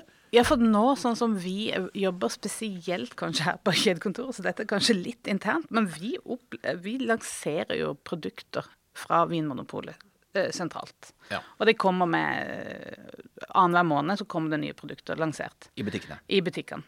Og det tenker vi er det vi alltid har jobba med. Ja. Eh, og det er liksom veldig sentralt i utvikling av sortimentet. Ja. Men dette var jo altså det, det, det var jo ikke sånn Det er jo ikke lenger enn 2003 at alle disse nyhetene kom ut til alle polbutikkene. Nei, fordi eh, I 2003 så var det da, hadde man delt butikkene i tre kategorier. Det var eh, det som het eh, grunnsortiment, og så var det hovedsortiment, og så var det fullsortiment, som da var de største butikkene. Ja. Og det var kun fullsortiment som fram til 2003 fikk nyheter. Morsomt nok. Eh, og det som var så frustrerende for kundene som gikk i alle de andre butikkene, var at de kunne lese vinanmeldelser eh, av disse nyhetene, men som da aldri kom til deres butikk. Det var, det var jo frustrerende, det skjønner jeg jo. Det ble bøttevis av sure kunder med et sånt system. Ja, så det ble bare innført. Det tenker jeg er smart eh, løsning, Ja. og ja. på tide. Men da eh, var jo også Vinmonopolets eh, ledelse og de som hold, holdt Ja. på med denne med, med produktene, de var jo veldig spent på hvordan, eh, eh, hvordan kom dette til å bli. Ja. Og de så også for seg det at eh, nå skulle man da eh, gjøre avtaler om å få levert inn mye større antall eh, produkter. Nettopp. Og det gjorde at man kunne konkurrere enda mer, eller at man kunne be om en enda bedre pris på produktene Ja. eh, som man får seg. Og, og jeg tror det var snakk om fire lanseringer i altså hver lanseringsperiode. Som skulle helt ned i de minste butikkene. Da var det relativt rimelig vin da det var snakk om. Ja. Så bra. Men dette, er da, dette viser jo at eh, dette viser for så vidt en, en veldig viktig eh, side av oss. Da, at vi har jo eh, faktisk greid å lytte til råd og kritikk fra omverdenen. Og en helt nødvendig, det er en helt nødvendig egenskap for å overleve, tenker jeg. At man på en måte er litt sånn, man skjønner at man sitter på folks nåde, på politikernes nåde. Vi er nødt til å lytte til de gode råd vi får. Så vi er svært takknemlige for all, alle de gode råd og all den kritikk vi har fått opp, opp igjennom. For det gir oss en mulighet til å forbedre oss, ikke sant. Og, og, det, og, det, og, det, det har jo ikke blitt, da- det har ikke blitt en kampsak for oss at, at vi ikke skulle gjøre som det folk hadde lyst til, ikke sant. Det, det har ikke vært en kampsak for oss å på en måte stå på vårt. Ikke sant? Det er, vi vil jo hele tiden ha fornøyde kunder, vi. Det er det vi jakter. Så hvis kundene sier at dette må vi ha, så, så opplever ikke jeg at vi er vonde å be, Nei. eh, som oftest, altså. Nei, ikke jeg heller. Nei. Jeg syns også en annen eh, side Nå går vi kanskje videre til neste punkt, da. Eh, men en annen side ved det som preger direksjonen, som du, sa, som du kalte det, i Det- det var- 2003. Det var Vinmonopolet og Serbia som hadde direksjon på den tiden. Say no more. Men det var jo et sånn veldig sånn klart og uttrykt budskap om dette med at Vinmonopolet skal eh, etablere seg som en sånn bær, fanebærer for god drikkekultur. Ja, det er helt riktig. Ja, Og hva var det de mente med det? Ja, Det er et veldig godt spørsmål. Eh, Ja, du har noen, du har noen gode Du Ja, har du, satt leita litt du satt jo tett på direksjonen. Så, ja. Ja, men det, det, det var alltid en lukket dør, vet du, så man lurte fælt på hva som foregikk der. Nei da, det var jo De hadde jo eh, det, og det glemte vi kanskje å si i sted, men altså, jo, Knut Gråt hadde jo ansatt to kvinner også da, under denne reorganiseringen i 2002. ikke sant? Sånn Og der eh, kom kulturen inn. Eh, Han ville ha mer mangfold, han ville ha mer dynamikk. Det ville han ikke sant ha. Og det skal sies at eh, jeg, jeg sier jo dette, for jeg føler, jeg, eh, altså, jeg føler vi, kan, vi kan også tulle litt med, med Knut, for å si det sånn, men, for det tåler han. Men, eh, men eh, eh, Nei, han altså det var, eh, det var jo da som sagt to kvinner i, i ledergruppen eh, på den tiden. Eh, Det var eh, Nordisvik Olausson, var jo HR-direktør, og Anne Heyerdahl. Men eh, Vi skal ikke prate oss vekk på det nå, men altså, det, hadde også da vært endringer i denne, i denne ledergruppen. Og de, som du sier, Anne, de var veldig opptatt av å ja, egentlig koble seg litt på historien, vil jeg si. Altså, det var jo denne arven, da. Denne, denne, denne, denne kulturelle, denne vinkulturelle arven fra Håkon Svensson, som vi har snakket om mye om for en del episoder siden, som virket eh, på polet under krigen, men ikke minst på 50-tallet og 60-tallet. Og, og til begynnelsen av 70-tallet, som jo var liksom den store vinfaglige nestoren. Eh, og som sikkert, eh, og som sikkert altså for, eh, Jeg ser på dere nå, Anne og Anders. Dere er jo veldig varefaglig opptatt og kompetente og kan utrolig mye begge to. Er han fortsatt et navn, denne Håkon Svensson, i varefaglige kretser? Eller begynner han å tilhøre liksom, historiens dunkle kroker? Altså, Jeg har jo lest en del i hans sine bøker nå i Ja. forbindelse med jubileet. Ja. Og jeg må si at uh, han er veldig eksplisitt på akkurat det der drikkekulturbiten. Eh, og, og veldig tydelig. Men det er noe med formen Ja. som man liksom snakker om og med folk som er, virker veldig som 50-talls Ja. eh, eh, mann med hatt. Eh, men uh, det er noe allikevel som jeg, jeg, jeg tenker jeg, vi har å lære av en sånn eh, Men det, han har en litt sånn faderlig aura. Vi, Ja. er, vi er kanskje gått over til å bli litt mer sånn jevnbyrdige. ja. Folkelige. Ja. Egalitære. Ja, og det er kanskje litt det som skjer da, rundt sånn i 2002-2003, at eh, denne drikkekulturen som kanskje ble um, formidlet på en mer hva skal jeg si, sånn konservativ og borgerlig måte gjennom eh, Håkon Svensson, eh, ble litt mer, ja, litt mer folk, folkelig. Ja. Og som jeg tenker henger sammen med at det, eh, mange hadde jo eh, liksom drukket vin til, eh, til gode måltider, eh, enten det var liksom på, på ferie eller, eller hjemme. Det var blitt vanligere å, å drikke vin til mat. Ja. Eh, og så var det dette med at eh, selvbetjeningsbutikkene Ja. hadde kommet. Og da var det jo Det ble jo mye raskere en samtale med kunden Ja. om nettopp måltidet. Ja. Ja. Eh, og det, Vi snakket om den der, en åpen linje til Knut Grøholt, Ja. hvor butikkene eh, sa at de hadde behov for en økt kompetanse om nettopp dette her. Ja. Og, eh, så jeg, jeg tenker at det at Vinmonopolet ønsker Ja. å snakke mer om god drikkekultur, Ja. som handler om mat og drikke, Ja. samtidig som det er et behov der ute. Det var nok et veldig behov der. Også, øh, og det, det, det skyldes jo at salget av vin eksploderte jo nærmest. ikke sant? Altså det, det var jo solgt lite vin i Norge fram til øh, midten av 80-tallet. ikke sant? Øh, det, men det er først på midten av 90-tallet at det liksom det boomer noe voldsomt. da, At øh, vinsalget skyter fart. ikke sant? Eh, så det er klart at i takt med et veldig økende vinsalg ikke i takt med et økende alkoholkonsum, for det, det, det øker nok litt, det òg. Men det er ikke sikkert at det totale konsumet øker, for det er jo en substitusjonseffekt der mellom eh, uregistrert og, og registrert, ikke sant. Men øh, øh, den varegruppen som øker, er jo da vin, ikke sant. Så det er klart, som du sier, Anders, her, folk vil jo øh, trenger jo kunnskap om denne, kall det i gåseøyne, nye produkt, produktgruppen man har begynt å konsumere. Eh, og, da, som da særlig eh, da på en måte integreres i et måltid, slik eh, man jo er vant med fra middelhavslandene. ikke sant? Så hensikten var jo her å dele kunnskapen vår og gi kundene den informasjonen de trengte for å kunne gjøre egne valg. Det var jo en hensikt ved denne kampanjen om god drikkekultur. Og vi har funnet fram noen gamle leder, ledersaker her, hvor de definerer hvilke punkter de vil ha uh, som skal være bærende i, i denne gode drikkekulturen. Og Vi tar det bare punktvis først, og så kan vi kommentere litt etterpå. Eh, vin er å foretrekke fremfor brennevin, står det her. Måtehold gir positiv eh, livskvalitet.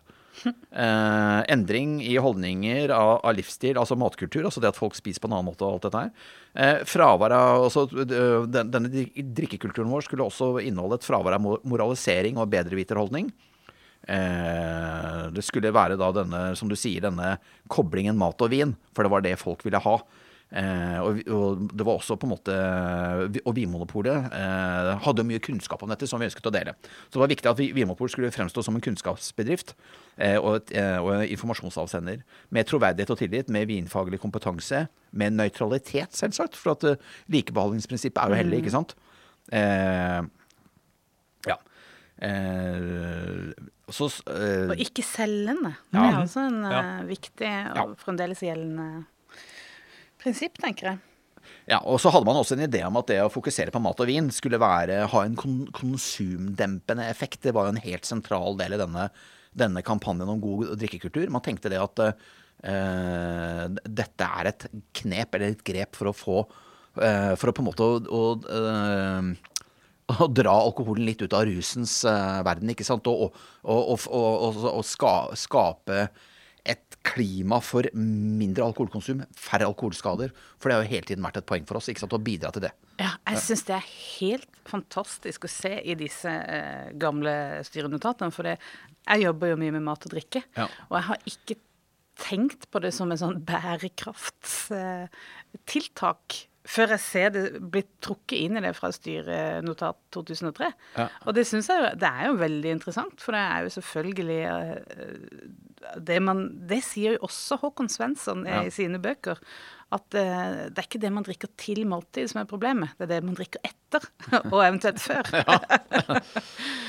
Ja, det er et godt poeng. Eh, Så sånn sett så er jo denne også, dette, dette prosjektet her er jo veldig sånn forankret i historien. Og jeg tenker at eh, det er, de var overraskende godt uh, oppdatert på historien i 2002-2003. Eh, kanskje Ja. Ja, altså her, det, som, det du har nevnt nå, Ja. det henger jo sammen med, med ønsket om en bedre folkehelse. ja, helt klart. Uh, men så handler det litt om hvordan Vinmonopolet ønsker å framstå også, ikke sant? Selvsagt. At det ikke skulle være moraliserende og belærende, men mer altså sånn Faglig. Inspirere Inspirere og rådgi, eh, som igjen skal eh, liksom, minske konsumet. Men, men det jeg lurer på, eh, er ble det diskutert noen økonomiske konsekvenser av dette her? Hvis man sier at det, ja, vi, eh, målet her er et, en nedgang i konsumet av alkohol, så kunne man tenkt at det ville ført til mindre eh, inntekt for Vinmonopolet og staten. Var det Kan du huske om det var en del av regnestykket? Jeg husker at Knut Grøholt, eh, eh, som reven, reven igjen her, vet du, han, han hadde et sånt svar på det. Han sa jeg er jo sjef for den eneste bedrift i landet eh, og jeg, som kan være fornøyd enten de selger mer eller mindre. For at altså, selger de mindre, ikke sant, så leverer man jo på målsettinger om redusert alkoholkonsum og begrenset skadevirkning og sånn veldig tydelig.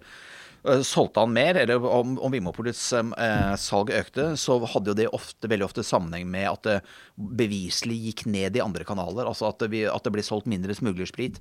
Eh, at grensehandelen kanskje gikk ned, at hjemmeprodusert alkohol gikk ned. Her skylder vi lytterne å gjøre oppmerksom på at eh, alkoholforskerne på det daværende SIFA, senere Sirus, nå en del av Folkehelseinstituttet, eh, Eh, de monitorerte jo nordmenns både registrerte og uregistrerte alkoholkonsum. Eh, altså det registrerte alkoholkonsumet, bare for å ta det, da, så, vi på en måte, så ikke det henger i luften. Registrerte alkoholkonsum er det som er avgiftsbelagt og kjøpt i Norge. ikke sant? Enten på barer, restaurant, kafeer, dagligvarebutikker eller på Vinmonopolet. Det uregistrerte er det som da ikke er avgiftsbelagt, og som enten er legalt, som f.eks. grensehandel taxfree, eller illegalt, som, som smuglet vare eller hjemmebrenning. ikke sant?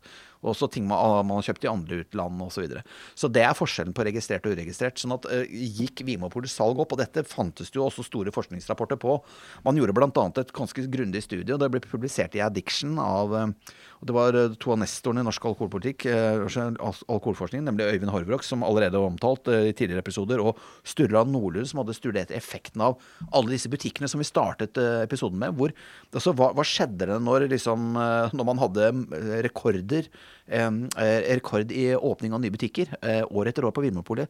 Endret det seg? altså Medførte dette at folk drakk mer? Og da, da, studerte man jo effekten av alle de butikkene man åpnet da fra 98 fram til 2002-2003. Og det var snakk om at butikknettet da økte fra 100 og, ja, rundt 120 da, til 180 pol eller noe sånt. Men man fant altså ikke en effekt Altså man, uh, uh, man, fant, man, fant, ingen effekt på totalkonsumet. Man fant kun en effekt på at folk drakk annerledes. Altså at det, det gikk, Når, når Vinmonopol-salget økte, så gikk jo da salget av brennevin Nei, unnskyld, av, av smuglet vare, hjemmebrenning, øh, hjemmelaget, gikk ned.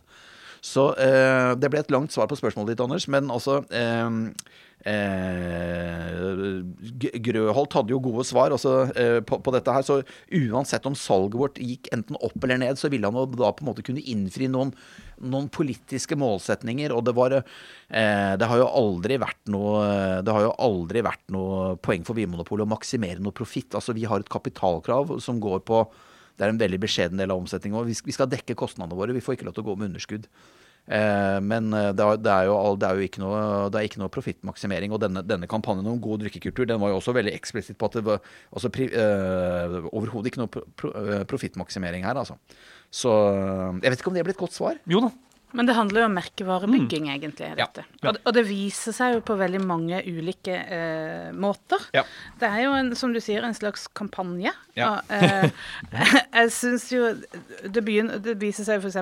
at det lages en del sånne små brosjyrer som man finner i butikkene. Stemmer det. Som man fremdeles kan egentlig finne. Nå er de eh, blitt oppdaterte og endra seg, og etter hvert så vil de bare være å finne digitalt. Men eh, men eh, de første eh, brosjyrene som ja. ble lagd der, de har jeg brukt masse som sånn referanseverk. Hvordan vi har snakka til kunder. Eh, og de holder seg fremdeles på, på en måte utvalg av informasjon og hvor presist det er. og jeg synes det, var en veldig, altså må ha vært en veldig god kommunikasjons... Eller det som da heter markedsavdeling. Markeds- og produktavdeling. Ja. Nei, unnskyld. Ja, ja. ja.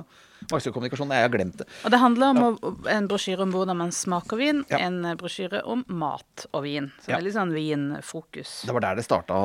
Pusset også opp Vinbladet, ikke sant. Og så var det en kampanje, da. Vi skulle jo liksom ut i mediene med, med dette budskapet. Ja.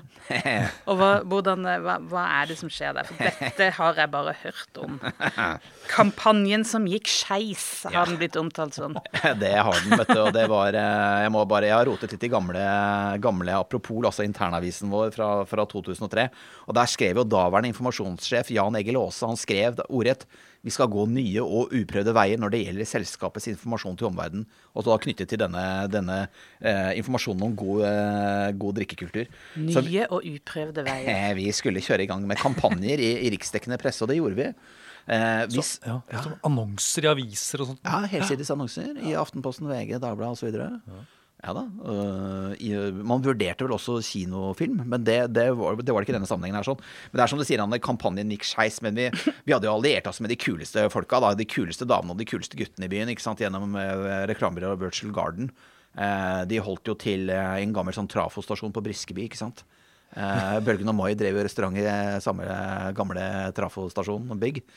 Eh, og de holdt jo sånne overdådige fester der, og det var, det var gøy. Det var jo på ingen måte over streken, men For eh, du var selvfølgelig på disse festene, Jens. jeg greide å lure meg med, vet du. Sammen med Grøholt. Jeg husker en gang vi var der. Derfor jeg jobbet jo med kommunikasjon. Eh, Jeg gjorde jo det, så jeg var jo så, Og vi måtte jo representere selskapet. Så det, dette var, jo, jo, men også, det var representasjon. Det var viktig å ha et nettverk. Eh, og vi var jo på disse festene, og jeg, var- jeg var ikke vond å be. Jeg var ikke det, Hanne. Jeg var ikke det. I hvert fall så eh, husker jeg på en av disse festene hvor eh, det var mye folk, som liksom høy og lav, da, som kunne krype og gå fra, fra bransjen. Og Grøholt var jo der, ikke sant. Eh, og det var faktisk i de dager da hvor Ari Behn eh, hadde utfordret Kjetil Rollnes, som jo da var eh, skribent i Dagbladet, ikke sant, eh, til en duell. Og Ari Behn, eh, som den, som den eh, spilloppmakeren han var, han hadde vært nede i Dagbladets resepsjon og kastet fra seg en hanske, ikke sant, det gamle sånn riddertrikset. Når, man, når man skulle utfordre en annen mann til duell, så kastet man hansken, ikke sant. Ja, det var ikke på Theatercaféen. Jeg så for meg det. Sånn. Ja, ja, OK, fortsett. Jeg tror ikke Kjetil Rollnes tok den hansken, for å si det sånn. Han ville ikke ha noe duell. Han ante ikke hva Ari Behn skulle finne på. Men dette var liksom det man snakket litt om i de finere kretser, da, som selvfølgelig Grøholt frekventerte da i 2003. Nei, du, altså han eh, Grøholt, eh, Grøholt eh, det, det ble en sånn litt sånn offentlig debatt under middagen mellom Grøholt og noen av disse sjefene på, på Virtual Garden, og de, og de grep ordet da, som du skulle. Og, det, eh, og de var veldig slagferdige. og Det var, og det var, alt var i veldig sømmelige former, men det ble veldig morsomt, og det ble veldig sånn god, spontan underholdning. da. Og dette var en gammel trafostasjon. ikke sant? Gammelt, eh, kall det nærmest industrianlegg. Så det var litt sånn eh, Oppe i annen etasje der, som ikke egentlig var en annen etasje, så var det noen sånne broer. Eh, broer av betong og sånne ting. ikke sant? Og plutselig så var da Grøholt eh, eh, oppe på en av disse broene høyt oppe i anlegget, ikke sant? og så bare skrek han ut til hele forsamlingen liksom Hei, liksom, hør på meg! Nå utfordrer jeg sjefen her til duell! Og så kastet han Han hadde vært og funnet en hanske, da. Så han kastet hansken ned på bordet, ikke sant. Til vill jubel, da! Fra flere hundre mennesker som var på fest. Så sånn eh, Og det, altså, da, Grøt må jo da ha vært 59-60 år, da. Eh, Kul type, liksom. Veldig. eh, Og jeg, vi var tilbake på jobb dagen etter, og alt var greit. Og, og da husker jeg at var litt sånn Han var nok litt fornøyd med egen innsats, men han sa mulig jeg liksom lot meg rive litt med der i går. Ja, det var, eh, det var Og vi var ganske tidlig hjemme, og alt foregikk i sømmelige former, men det var, eh, det var bare så han, han, Poenget ved å fortelle denne historien, han bød på seg selv. Han bød på seg selv. Han tok seg ikke selv så høytidelig, og det viste jo også en veldig sånn fin selvtillit. Og han var en sånn Eller han er, han lever jo beste velgående. Eh, Vi, vi jobber jo med å få han i studio, såpass mye kan vi avsløre. Vi, håper, vi, vi håper vi får han ganske snart. Altså. Så han er en meget slagferdig 80-åring. Han begynner vel å nærme seg 80 år. Og han har en tettere kalender enn min, veit jeg. Er, det er vanskelig å finne, få avtaletid med Knut Gråth. Men kan du huske, Jens, hva denne diskusjonen eller debatten mellom eh, lederne i Virtual Garden og Nei, det har jeg gikk ut på? Det har jeg glemt. Men de lagde i hvert fall kampanjen for oss. Ja. De, det gjorde de. Som gikk skeis. Eh, den gikk skeis. Eh, og eh, Hva var det som Beskriv kampanjen. Det var koblingen mat og vin. Og det var, en, Ja. eh, det var blant annet en hvitløkspresse som eh, lå på en tallerken, og så sto det liksom det viktigste virkemidlet i alkohol, alkoholpolitikken er liksom også, eh, er en hvitløkspresse? mat og vin. Og så det, var, det var denne koblingen mat og vin, ikke sant? for man hadde da denne sterke forståelsen av at det ville virke konsumdempende og skadebegrensende eh, om eh, vin i, eller alkohol i mindre grad ble omtalt som en rusdrikk. At man fikk fokuset vekk fra rus og brennevin over på et, eh, et, eh, et konsum av varer som hadde lavere alkoholinnhold. Og at, det, og at, det, at, at man da eh, at, at koblingen mat og vin ble gjort eh, tydeligere. Da, Så dette her er liksom Håkon Svenssons teori, Ja. men i 2000-tallets drakt. ja. Symbolisert da med en hvitløkspresse. Ja, for oss- italiensk mat var det hotteste på 2000-tallet. Det var det. Og ikke bare en hvitløkspresse, det var også en olivenoljekraffel. En olivenoljekaraffel, det var liksom det andre symbolet Ja. på denne liksom, Og på 2000-tallet var det jo veldig minimalistisk, ikke sant? så det var bare et bilde av det. Og ikke, det var ikke så mye beskrivelse. Det var litt sånn subtil kampanje. egentlig. Det sto at det, det, det viktigste virkemidlet i alkoholpolitikk er liksom å på en måte, å, ja, å, å på en måte se på dette på en annen måte. Og som, og så mat og tydeliggjøre denne kombinasjonen mellom mat og vin, slik at eh, eh, rusaspektet ved alkohol ble liksom sterkt to tonet ned for at eh, man ikke da altså, Og dette var da for å få ned eh, konsumet og, og skadevirkningene av det. Og så Ja, ja. når, man da vi- Unnskyld? Ja. Ja, når jeg har sett bilder av disse kampanjene, så den hvitløkspressa, jeg trodde at det var en nøtteknekker. Så den misforsto du? Så jeg klarte ikke helt å liksom koble den. Ja, ja, ok. Nøtte, nøtteknekker og alkohol, altså drikkekultur. Ja. Og, og denne, denne uh, olivenoljekarafelen, uh, som var minimalistisk, som du sier, Anne, den så jo nesten ut som en eh, vinkaraffel. Og når du heller olivenolje på en, en glasskaraffel, uh, olivenolje og, og hvitvin på avstand, det ser jo veldig likt ut, da. Ja. Ja. Så likt at eh, han som da var Kristi Kristelig Folkepartis alkoholpolitiske talsmann, veldig hyggelig fyr, Magne Aarøen, han ringte meg en gang faktisk, vi hadde en lang og hyggelig prat. Eh, men jeg skal ikke fortelle om det nå. Eh, ha- eh, han var jo da, han satt på Stortinget og var Kristelig Folkepartis eh, alkoholpolitiske talsmann. Han var en mann på i slutten av 60-årene fra Hordaland. Jeg tror ikke han hadde et kjøkken hvor han hadde veldig mye bruk verken av hvi- hvitløkspresse eller olivenolje-karaffel. Jeg tror ikke det. Jeg har sittet med, så han, han så jo denne oljekaraffelen ikke som en oljekaraffel, men som en karaffel fylt med hvitvin. Ja. Og da fikk da, da, Det narrativet her, ikke sant. Altså, han, han fikk jo definisjonsmakten. Ja. Og da Og, og eh, eh, når han går ut i pressen og sier dette er alkoholreklame. Vinmonopolet kan ikke vise bilde av, av hvitvin. Ja, Eh, de frister oss. De frister oss, han sa det. liksom, skal, skal, altså, Og han han, sa det. Skal det være bedre altså Hvis Vinmonopolet nå sier at det er bedre å drikke hvitvin enn å drikke brennevin, så blir dette helt feil. Ja.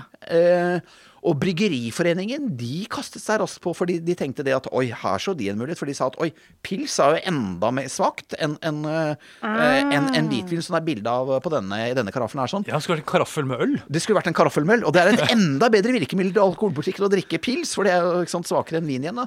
Så det plutselig så ble det en diskusjon om hva i all verden er på denne karaffelen.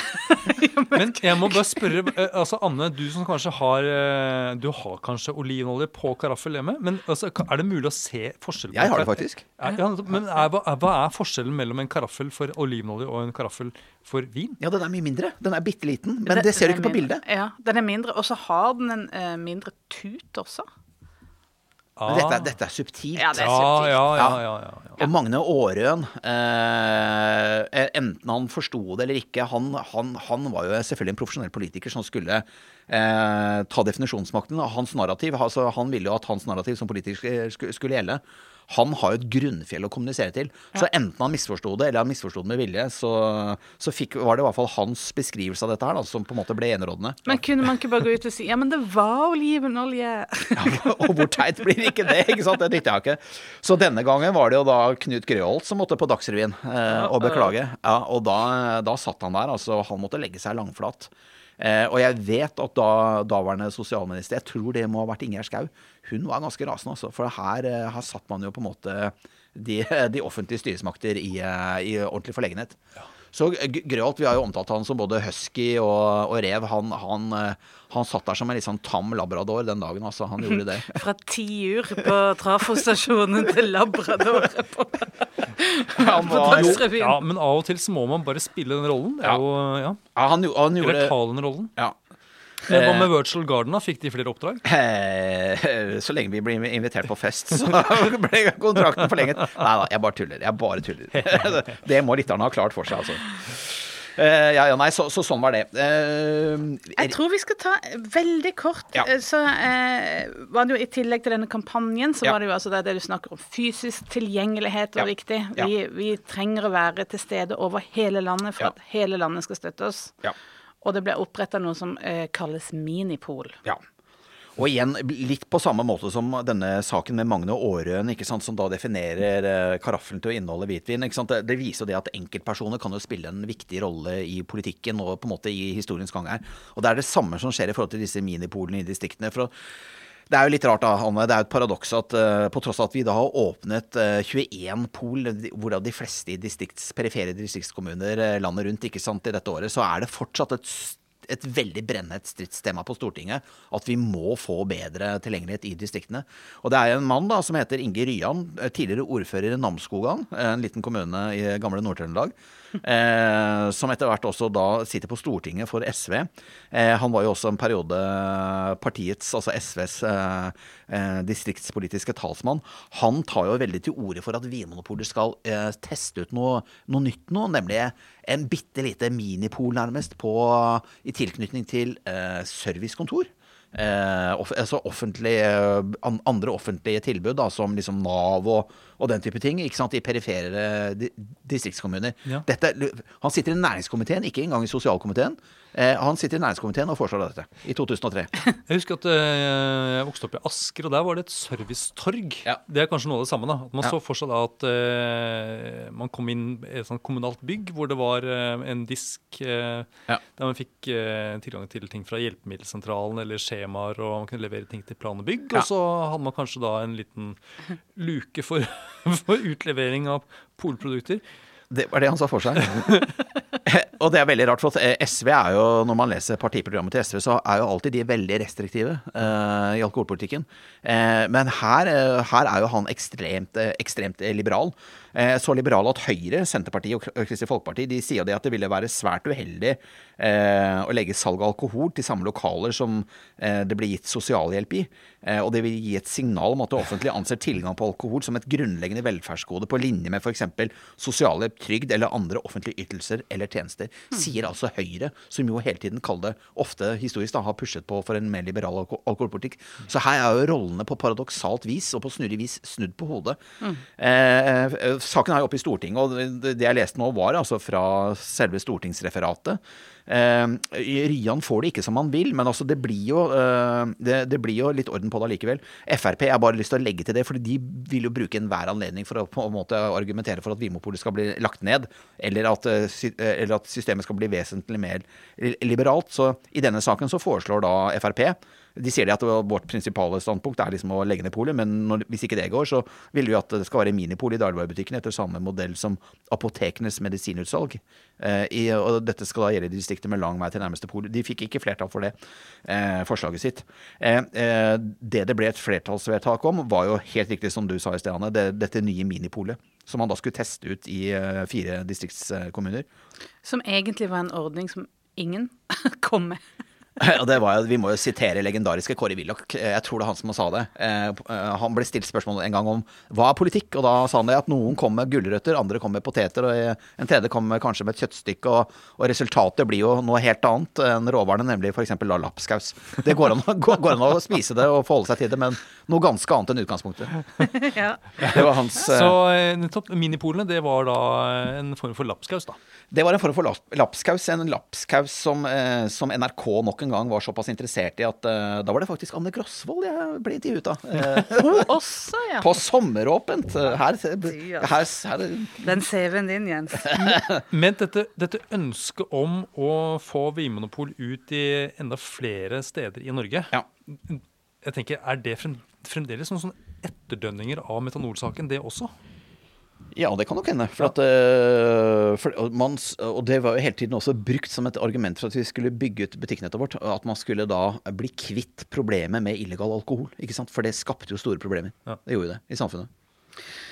OK. Eh, det ble fire eh, Eller to minipol som ble åpna først. Det var altså Skjervøy i Troms ja. og i, på Rena i uh, Hedmark. Ja. Rognan Saltdal kom også. Uh, og så var det vel et sted til. Et, uh, det var et sted Stranda. Til. Stranda, ja. Stemmer det. Mm. Ja.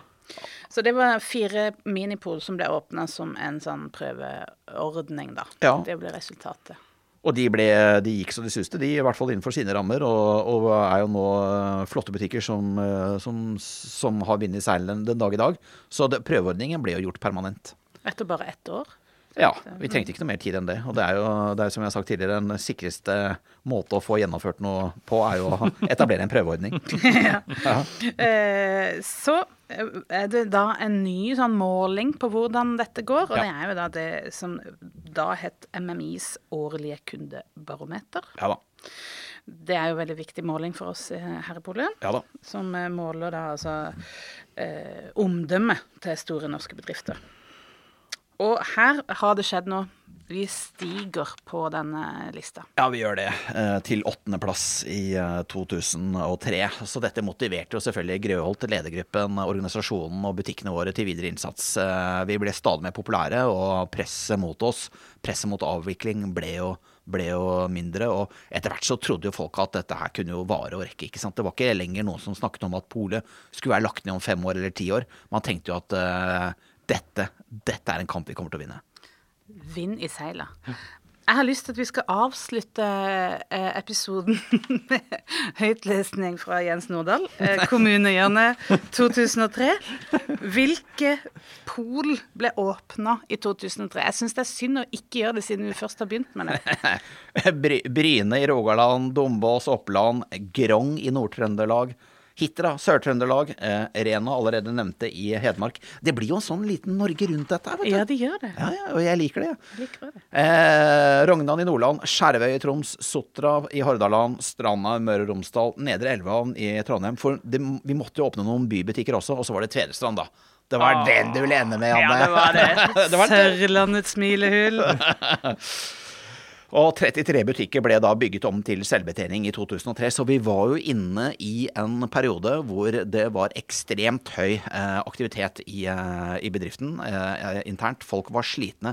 I 2004 så ble det et litt sånt hvileår. Det skjedde mye da, men litt mer hvileår enn i 2002-2003 før det hele braker løs. På, det, er, det, er, som en gresk tragedie, det som skal treffe oss i 2005. Så nå er vi på oppturen, og da må det komme nedtur. Og djevelen, den ligger i de fordømte detaljene. Ah, to be continued. To be continued. Takk for at du hører på Vinmonopolets podkast. Har du forslag til et tema i podkasten? Send mail til podkast at vinmonopolet.no. I tillegg svarer kundesenteret deg på e-post, chat og telefon.